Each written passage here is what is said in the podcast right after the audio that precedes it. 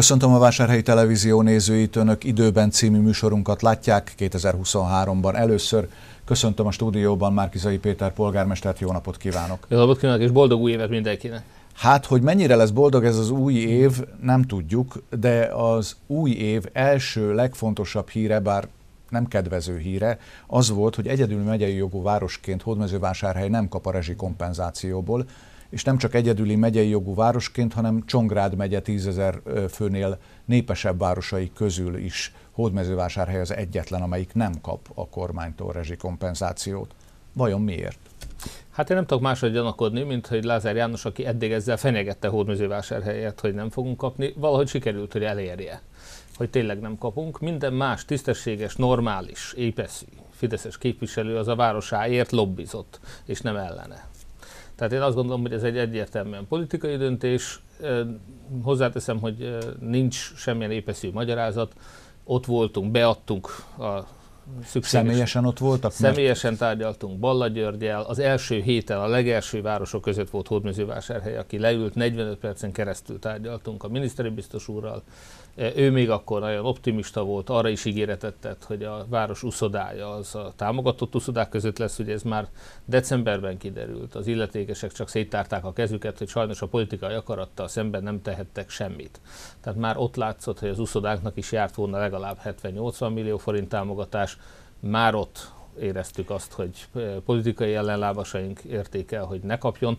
Tehát mondjuk, ha Lázár Jánosnak a fia ebben az uszodában edz, és ő nem, hogy nem tesz meg semmit, hanem tétlenül nézi azt, sőt, e, tevőlegesen e, azért dolgozik, hogy ne kapjon, az úszoda ne kapjon a város támogatást. Én azt gondolom, hogy ez végtelen fölháborító és erkölcstelen dolog. Később akartam szóba hozni az úszodát, de ha már itt tartunk, akkor a szegedi vízilabdások itt edzenek a vásárhelyi Igen. úszodában. De vajon meddig tudják ezt tenni? Már ők, hogyha kinyit a Tiszavirág újra Szegeden, akkor visszamennek, de vásárhely meddig tudja nyitva tartani, hogy így, hogy nem kap a kormánytól támogatást az uszoda? Hát ugye január 1-ig nekünk a tavalyi áraink még megfizethetőek voltak, ahhoz képest többszörösére emelkedett ugye a mostani energiaárunk, összességében a 2021-es évhez képest már tavaly is háromszorosát fizettük, most 7-10-szeresét fizetjük a 21-es év árainak, de valóban mi úgy döntöttünk, hogy addig, amíg bér, és hát a tavalyi évben jól állt a város, tehát a tavalyi évben nem volt indokolt, a díszkivilágítást is megtartottuk, hiszen még azok az árakat meg tudtuk fizetni a városnak, meg volt a pénze, a tavalyi évet nagyon jól, nagyon sikeresen teljesítettük. Az idei év megemelkedett ára és az idei év anyagi nehézségei egészen új helyzetet teremtenek, tehát természetes, hogy most már az úszoda bezárásáról beszélgetünk, a strand, tehát a nyitott, fedetlen merencék, azok természetesen tovább fognak működni, nem akarjuk bezárni őket. A fedett uszoda részt azt vagy teljes egészében be fogjuk zárni, vagy hogyha kimutathatóan a költségeket az edzőtáborok, illetve a sportolók által fizetett díjak, azok fedezik, akkor, akkor nyitva tartjuk. Tehát nem hobbiból akarjuk bezárni, hanem a városnak az anyagi terheit nem tudjuk tovább növelni. Mikor dől ez el? Ez már most, a ma, mai nap egyeztettem Katona Zsolt fürdővezető úrral, és ebben maradtunk, hogy kiszámolja, hogy ki tudja hozni nullszaldósra az 50 méteres medence üzemeltetését a Fedetben, vagy mindenki megy a nyílt fedetlen medencébe a strandrészre. Térjünk akkor vissza a rezsikompenzáció egészére.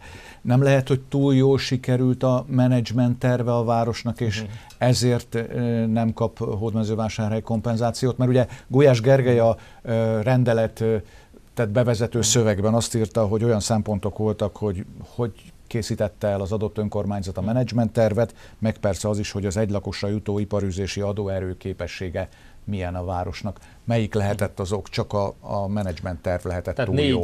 Négy szempontot tudok mondani. Az egyik az a menedzsment terv. E, én egyeztettem még fideszes polgármesterekkel is ebben az időszakban, hiszen a megyei jogú városok következtek először, tehát mondom a legelső héten mi voltunk ott a 150 településből, meg fideszes települések többek között, tehát mi tudjuk, hogy pontosan, hogy például a Kaposvárhoz képest Hódműzővásárhely körülbelül arányaiban ugyanannyi. Ők körülbelül kétszer akkora többletköltséggel és majdnem kétszer akkora megszakarítással számoltak. Mi körülbelül hasonló többletköltségeket számszerűsítettünk, és a megtakarításaink is helyén valóak voltak, tehát leadtuk mi is ugyanezt a tervet. A személyes egyeztetés a második szempont, még egyszer mondom, nagyon nagyon optimistán álltunk föl, nem tudván, hogy mikor is lesz a döntés, hát decemberig zajlottak ezek az interjúk, tehát januárra ígértek döntést, ez nyilván be is következett. Balla Györgyel és a minisztérium a képviselőivel, tehát személyesen egyeztettünk, és mindenbe készségesen rendelkezésükre álltunk. A harmadik szempont az az volt, hogy milyen, és igazából ezt nevezték meg valóban kormány szinten, mennyire rászoruló egy település, milyen adóereje van, mennyire tudja saját maga megoldani a helyzetéből adódóan. Hát azt kell mondjam, hogy vásárhely a Fideszes vezetéstől megörökölt adóságokat nyögi még mindig. Ezt az adóságot mi az elmúlt öt évben kevesebb, mint felére lecsökkentettük, tehát a 10,6 milliárdból már csak 4,6 milliárd forint tartozás van. E, de amit itt nem is számszerűsítettek, hogy nekünk mintegy 620 millió forint többlet kamat. Terhünk van az idén. Tehát a Lázár Jánosétól megörökölt e, adósságra a város a kormány hibás politikája miatt megugró kamatok, ami több mint 10%-kal magasabb kamatot jelent. Erre a 4,6 milliárd forintra, összességében 600 millió forint kamatteher hárul, most extra kamatteher hárul a városra a tavalyi évhez képest. Tehát ezt még nem is raktuk bele, de mi a rászoruló városok között vagyunk. A 25 megyégú városból vásárhely a legszegényebb három település között van. Tehát abszolút indokolatlan az, hogy a 25-ből 24 kapott, és Vásárhely az egyik legszegényebb település, és itt megint azt tudom mondani, hogy hát 30 év Fideszes vezetés után szégyen, hogy Hódmezővásárhely a legszegényebb megyei városok között van. De ha már így adódik, akkor abszolút indokolatlan, hogy pont Vásárhely ne kapjon támogatást, hiszen a legszegényebbek között vagyunk, a legalacsonyabb adóerővel rendelkezők között vagyunk. És volt egy harmadik szem, vagy egy negyedik szempont is, ezt Lázár János szokta alkalmazni, hogy mennyire takarékoskodik saját maga a város. Hát meg kell nézni, Hódműzővásárhely sokkal takarékosabb volt, mint az átlaga, 3200 település átlaga. Volt egy-két dolog, amit nem tettünk meg, mi a közvilágítást nem kapcsoltuk le, de hát a többi település többsége sem kapcsolta le a közvilágítást, tehát erre nem lehet ezt fogni. Egyébként én például nem tudok még egy olyan települést, ahol a létszámot annyival csökkentették volna, mint mi. Tehát mi tényleg minden egyes területen megnéztük, hogy hogyan tudunk takarékoskodni. Energiával a strand energiafogyasztása novemberben már közel a felére esett, egy olyan 40%-kal csökkent, 35-40%-kal csökkent például. Tehát mi minden egyes, bezártuk az emlékpontot, a múzeumot és a többi. Tehát meg összeköltöztettük a városi cégeket, és beköltöztek hozzánk a hivatal épületébe, a városháza épületébe. Tehát mi minden egyes területen megnéztük, hogy hogyan lehet meghúzni a nadrágszíjat, hogyan lehet olcsóbban, hatékonyabban gazdálkodni, kevesebbet költeni. Tehát a takarékosság terén is megérdemli Hódmezővásárhely a támogatást.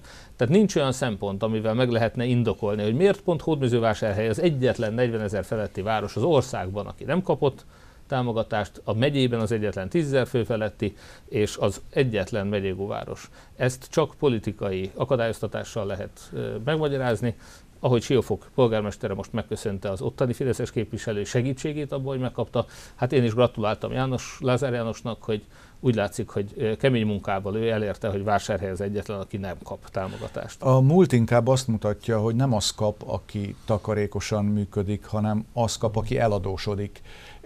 Ugye ismert tény, hogy 2012-2014 között az önkormányzatok nagy adósság elengedése idején Hódmezővásárhelynek több mint 22 milliárdos adóssága hát az volt. Az adósságban Lázár János többször bajnok lett az országban. Valóban ő eladósította a Hódmezővásárhelyet. Hát, hogyha ez az elvárás, akkor természetesen ennek is meg tudnánk mi is felelni. Nem akartunk. Mi eddig az ő adósságát fizettük vissza. Um, hogy fog működni a, a város a következő hónapokban, fél évben?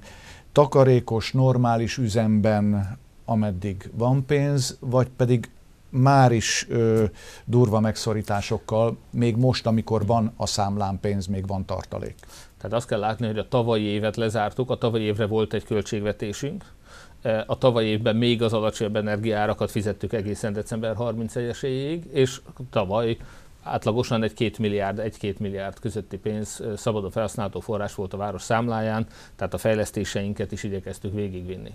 Tehát a tavalyi évet lezártuk sikerrel.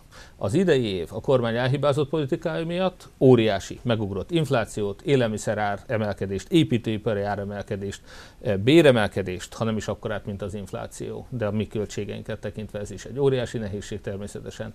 E, ezt hozta az idei, és az energiárak nyilvánvalóan a benzinköltségeink, az üzemanyagköltségeink a városnak is megugrottak. Egészen más feltételek vannak. Tessék elképzelni azt, hogy van egy 23%-os infláció. Ami bennünket jobban érint, az élelmiszer, az építőanyag és az energia, az még e fölött van az infláció tekintetében, vagy a benzin. Tehát bennünket még a 23-nál is nagyobb infláció érint. Körülbelül 11 milliárdos működési költségeinkben, tehát mintegy két és fél milliárd forintnyi növekmény van tavaly évhez képest. Tessék elképzelni, hogy a nagy része ennek, jelentős része legalábbis a működési költségfedezetnek ugye a különböző kormányzati forrásokból jön, ők szedik be azokat az adókat, amiből az önkormányzatok működnek. Mi nem többet kapunk, mint tavaly, a két és fél milliárdos költség növekményünkhöz, hanem kevesebbet. 6,5 százalékkal kevesebb támogatást ad a kormány, illetve többet volna el szolidaritási adóba vásárhelytől, aki az egyik legszegényebb megyégúváros, ez azt jelenti, hogy mintegy 700 millió forintot elvonnak tőlünk, azt lehet mondani. Ugye nyilván ez attól függ, hogyha most a 3 milliárdnyi körülbelül állami közvetlen állami támogatást nézem, akkor ez azt jelenti, hogy ott egy 200, 200 millió forintos elvonással nézünk szembe, miközben mi költségeink mondjuk 2,5 milliárddal emelkednek.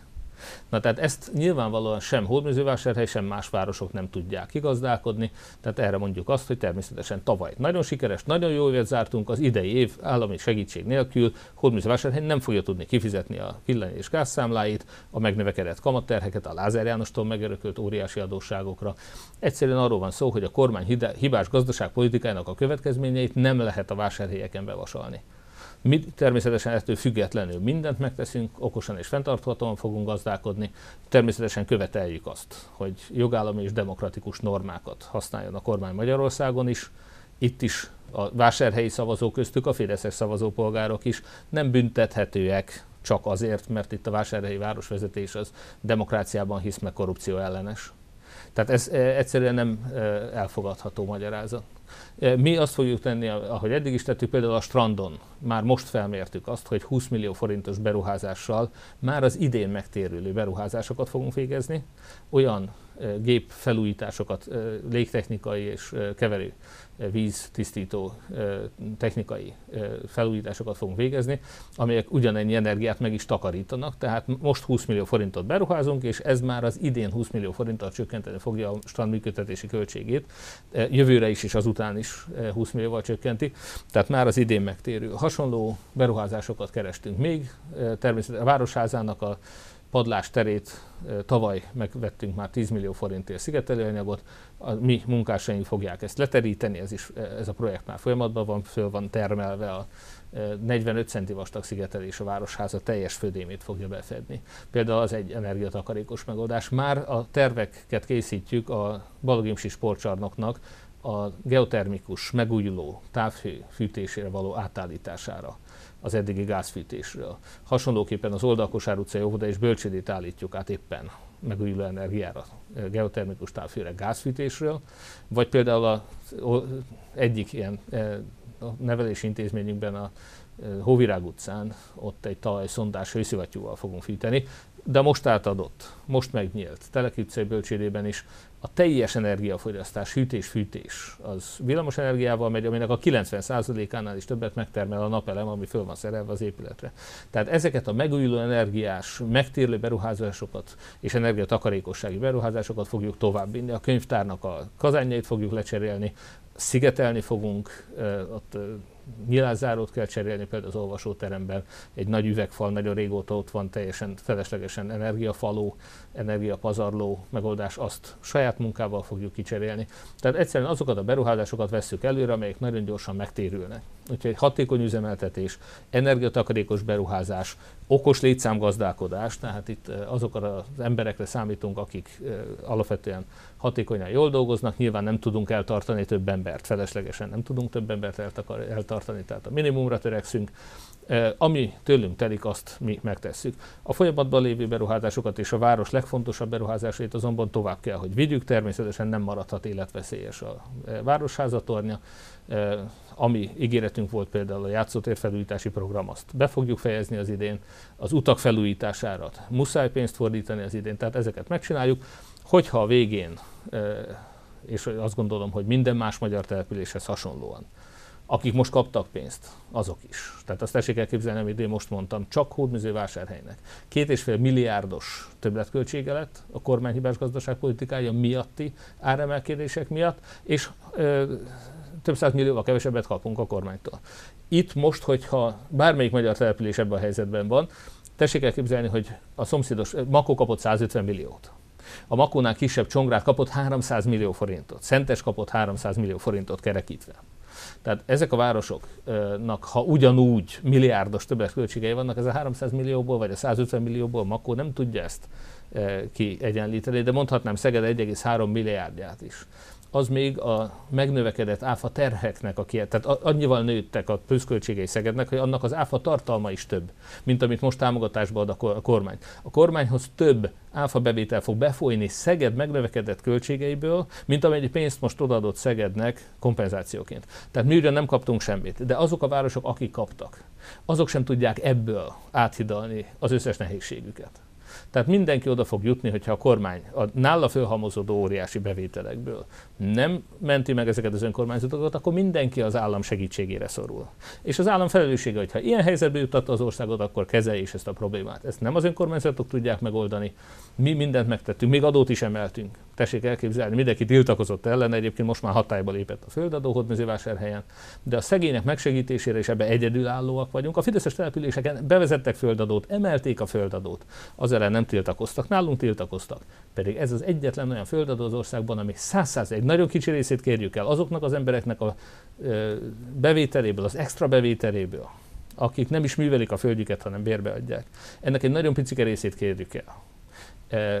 Sok-sok millió forintos, sok esetben százmilliós vagyonoknak a jövedelméből kérünk egy alig 10%-nyi részt.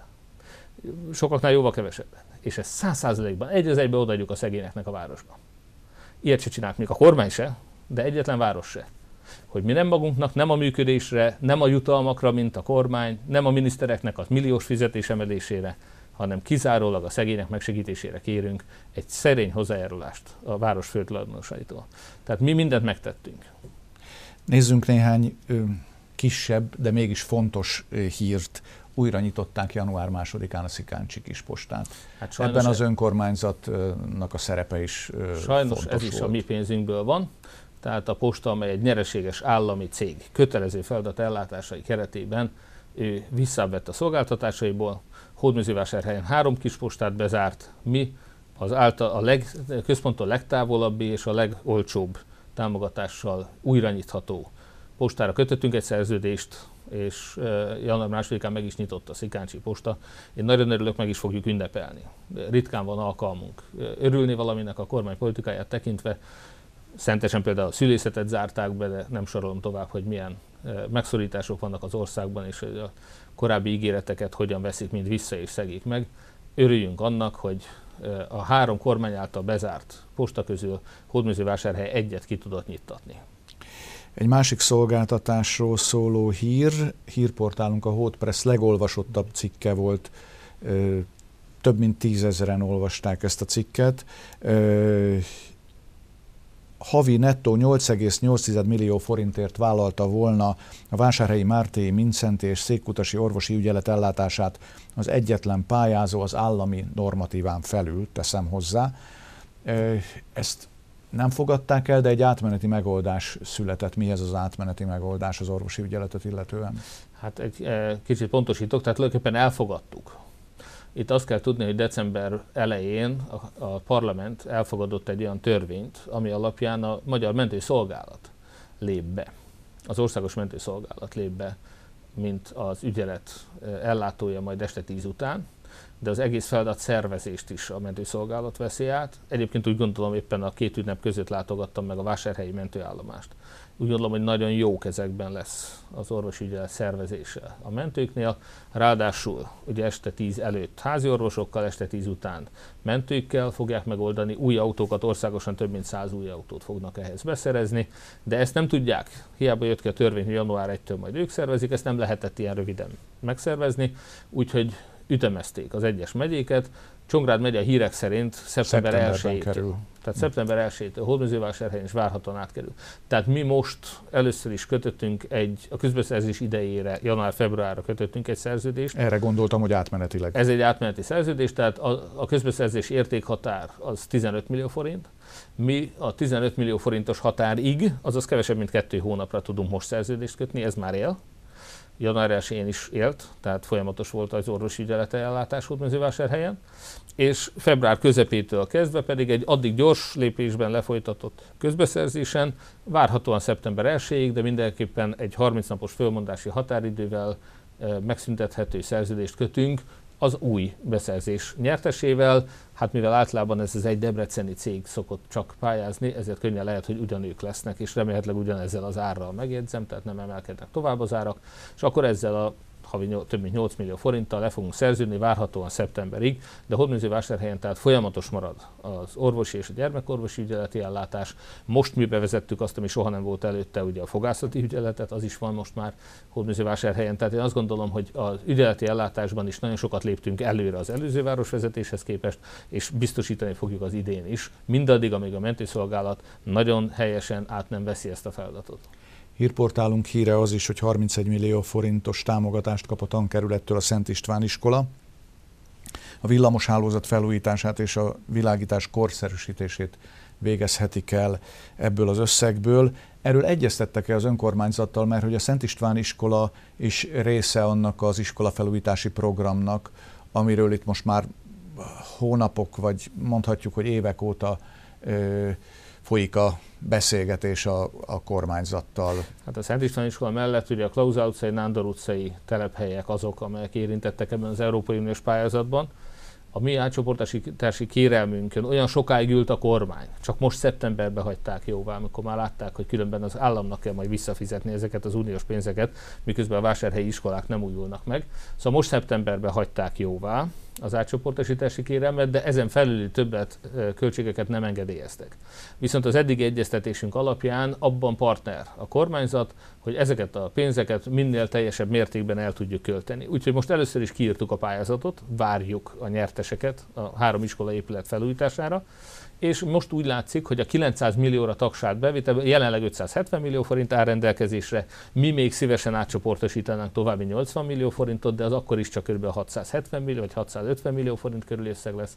Ez a 650 millió ugye a 900 millióra tagsált eddigi költségekkel szemben azt jelenti, hogy a háromból kb. két iskolát, két iskola felújításának a projektjét meg tudjuk csinálni, ha, és itt egy nagy ha, az idei évben ezt meg lehet csinálni. Hát a kormány nagyon beszorított minket, mert úgy tessék elképzelni, hogy amikor fe, szeptemberben közölték velünk, hogy jó, mégis meg lehet csinálni, de 2023. december 31-ig kész kell legyen, úgy, hogy még akkor kellett az előző közbeszerzést érvényteleníteni kormányzati engedéllyel, kiírni egy újat kormányzati engedéllyel, azt sikeresen lezárni, leszerződni a vállalkozóval a kormányzati jóváhagyással, és elvégezni és elszámolni a pénzzel DEC 31-ig, ekkora nagy 900 vagy hát akkor 650 millió forint körüli projekttel, tehát ez egy nagyon kihívó feladat. Én remélem, hogy meg tudjuk oldani. Ha a kormányzat itt is hátráltatja a helyet, akkor sajnos az Európai Uniós pénzt megint veszni hagyják, majd nagyon nem szeretnénk.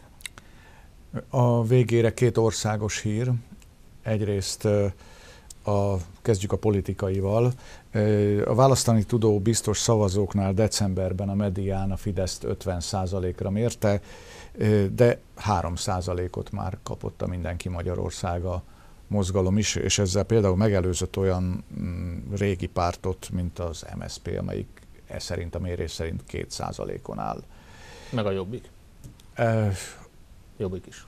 A Jobbik, Jobbik 5%-on nép, a, a néppártján, a, a Jakab féle néppártján a 2%-os. Igen, meg a, a párbeszéd volt alatta lesz a Mindenki Magyarország a mozgalomból párt, ezt itt föl szoktuk Ezt mindig ezt szoktuk soha. Mi? Tehát nem a, pártból, nem a mozgalomból lesz párt, hanem a mozgalomnak lesz egy pártja. Tehát ez egy más dolog, tehát azt jelenti, hogy a mozgalom megy tovább. Mi továbbra is a Mindenki Magyarország a mozgalmat tekintjük az alapnak, Például az önkormányzati választáson nem kell párt, simán egy mozgalom is részt vehet, lehet jelölő szervezet, a Tiszta Vásárhelyet Egyesület is jelölő szervezet, meg a Mindenki Magyarország a mozgalom is jelölő szervezet Hódműző Vásárhelyen a jelenlegi 8 fős civil frakciónk mögött.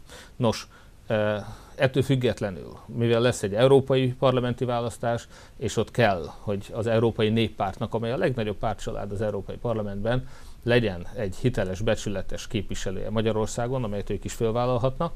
Ezért, bár ilyen gyorsan egy újonnan majd megalakuló párt az nem tud csatlakozni az Európai Néppárthoz, de elindítjuk majd ezt a pártlapítást, elindítjuk a csatlakozási folyamatot, és részt kívánunk venni a 2024 tavaszi Európai Parlamenti Választáson, ott már mint párt. Tehát magyarul bár az, a mozgalom az nem alakul pártá, de mi ö, egy új pártot indítunk, ennek a bejegyzése már folyamatban van, és természetesen ö, ugyanazon elvekért fogunk küzdeni ott is. Szerintünk nem a általunk jobboldali által is tiszteletben tartott baloldali értékek, tehát nem a jobb és a baloldal a fontos, hanem a tisztesség, a becsület a fontos. Tehát egy olyan európai, demokratikus jogállamban hívő, a korrupció elszámoltatása, a nemzeti vagyon visszaszerzése, a betelepített bűnöző migránsok kitelepítése, az ügynökakták nyilvánossága, az euró bevezetése, az infláció megfékezése, a minimálbér adómentessé tétele, az szükséges esetben akár magánegészségügyi ellátást is ingyenesen kell biztosítani, hogyha valakinek az élet ezen múlik. Tehát ezeket, amit a kampányban nagyon sokszor elmondtunk, hogy milyen lenne egy emelkedő Magyarország, mi a jövőben is mozgalomként is, pártként is ezeket az értékeket fogjuk képviselni. És megtisztelő, hogy még nincs is párt, de már viszonylag jelentős támogatást mérnek. Hát persze nyilván ez a Fidesz támogatásához nem mérhető, de mindazoknak, akik itt arról szoktak beszélni, hogy hát az ellenzék hibája az, hogy nem váltja le a Fidesz, tehát mondom, a Horti rendszerben is lehetett volna, de teljesen ostobaság lett volna szidni az ellenzéket azért, mert nem váltotta le Horti Miklóst, vagy a Kádár rendszerben szidni azért az ellenzéket, a demokratikus ellenzéket, hogy nem váltották le Kádárt, Ebben a rendszerben sem lehet. Orbán rendszerében Orbán nem lehet leváltani, mert nincsenek demokratikus választások, nincsen több párti médiarendszer, eh, nincs eh, jogállami alkotmányunk, amiben fékek ellensúlya korlátozzák a hatalmi visszaélést, vagy garantálnák azt, hogy a bűnözőket börtönbe csukják. Tehát, hogy mindaddig, amíg ezek a feltételek nem adottak, addig a pártok azok részt vehetnek ugyan a választáson, de hát esélyük sincs leváltani a Magyarország ezer éves történelmének legkorruptabb kormányát. Végezetül mit szól a benzinárakhoz? Itt 650 forint felett van, már úgy értem, hogy Magyarországon, és közben a környező országokban alacsonyabb a benzinára, még Ausztriában is 577 forint a január másodiki állapot szerint forintra átszámolva, de Szlovéniában például 500 forint alatt van. Hát erre is azt szoktam sajnos mondani, hogy mindaddig, amíg olyan politikusaink vannak, akik csak a saját zsebüket tömik, és közben mindenféle hazugsággal etetik az embereket. Itt nagyon boldogak az emberek, boldogok, hogyha emelik az árakat, boldogok, hogyha kevesebb lesz a fizetésük, boldogok akkor is, hogyha ellopják a vagyonukat, mert nagyon örülnek annak, hogy nem a melegek, meg a migránsok és a többi a legnagyobb problémájuk. Tehát én azt gondolom, hogy addig, amíg a propaganda el tudja takarni ezeket a fölháborító gyengeségeket és nem létező veszélyekkel riogatja a magyar lakosságot, addig, amíg sikerül a lakosságot sötétben tartani és folyamatosan manipulálni ilyen propagandahagyjáratokkal, addig a kormány megteheti, hogy Magyarország ez egész Európai Uniónak a legszegényebb, leghalálozóbb, legkorruptabb országa legyen. Látjuk azt, hogy hova vezetett ez a politika. A Fideszes Matolcsi György Nemzeti Bank elnök elmondta azt, hogy nem a háború és nem is a szankciók, hanem a kormány hibás gazdaságpolitikája miatt. Magyarország most az Európai Unió idén. Magyarország az Európai Unió legsérülékenyebb, legrosszabb gazdasági helyzetben lévő országa lett. Tehát ez önmagában elárulja, még egyszer mondom, a Fideszes egybankelnök mondta ezt. Nem csak az ellenzék, nem a szakértők, a független szakértők, hanem maga a Fideszes egybankelnök. Tehát nyugodtan elhihetjük neki, tényleg az a kormánynak a hibás politikája az, hogy nálunk a legmagasabbak az adók többek között, és minden ilyen extra adó, extra profit adó, és a többi az mind-mind átterhelik a cégek a fogyasztókra. Hiába mondják azt, hogy az emberek fizessék meg. Hát most is látjuk, hogy a, a benzinárak minden más országnál magasabb szintjét kifizeti meg. Hát az emberek fizetik meg. Az élelmiszerárak Hiába voltak árstopok, sőt, az árstopok kimondottan felhajtották az élelmiszerárakat, minden nem, a befagyasztott termékek nem kaphatóak, az összes többi terméknek az ára pedig minden más országnál magasabban emelkedett. Sehol nem volt olyan élelmiszer árdrágulás a világon, talán, mint Magyarországon. De legalábbis az Európai Unióban nem. Tehát hiába ezek a mondom, néphűítéssel meg lehet próbálni ideig, óráig ezt szőnyeg alá söpörni, vagy eltakarni az emberek szem elől, de hát ha bemegy a boltba, vagy tankol a benzinkúton, akkor rá fog jönni hogy eh, Magyarország eh, alacsonyabbak a bérek és magasabbak az árak. Én annak idején az Egyesült Államokban éltem 10 évvel ezelőtt, most éppen átszámoltam, hogy kb. háromszor ennyit keresnék, hogyha ott maradtam volna éppenséggel. De nem csak ez, hanem az árak is alacsonyabbak. Tehát nem csak a fizetések magasabbak Amerikában, hogy ott a, a minimálbér, hogy átszámoljuk most, az 480 ezer forint. Csak most arról beszélünk, hogy a 200 ezeret azt megemeljük-e 15%-kal, illetve hát örülök neki természetesen, hogy megemelik, de hát 20%-os infláció, 40%-os élelmiszerár mellett 15%-kal emelni a minimálbért vagy a nyugdíjakat, az azt jelenti, hogy egyre szegényebbek lesznek a magyarországi emberek. Visszatérve a benzinárakra. Tehát én amikor az Egyesült Államokban éltem, és volt egy nagyon komoly gazdasági válság 2008-9-ben. És az, az annyiban érintett engem is, hogy addig egy fél órai keresetemből tankoltam teli az autómat. Egy fél órai béremből. Amikor jött a válság, akkor egy egy órai bérem lett. Megduplázódtak a benzinárak az Egyesült Államokban, és ott már akkor hirtelen ilyen tényleg hatalmas áremelkedéssel egy egész órai keresetembe került teli tankolni az autót. Tehát, hogy más azok az országok, és akkor itt a propaganda arról beszél, hogy ott szülnek a férfiak, és megfagynak az emberek. Nem fagynak meg, köszönjük, nagyon jó vannak, mert nem tolvajok a politikusaik. Polgármester úr, köszönöm szépen, hogy vendégünk volt a stúdióban. Kedves nézőink, Önök időben című műsorunkat látták 2023-ban először. Köszönjük a figyelmet, viszontlátásra!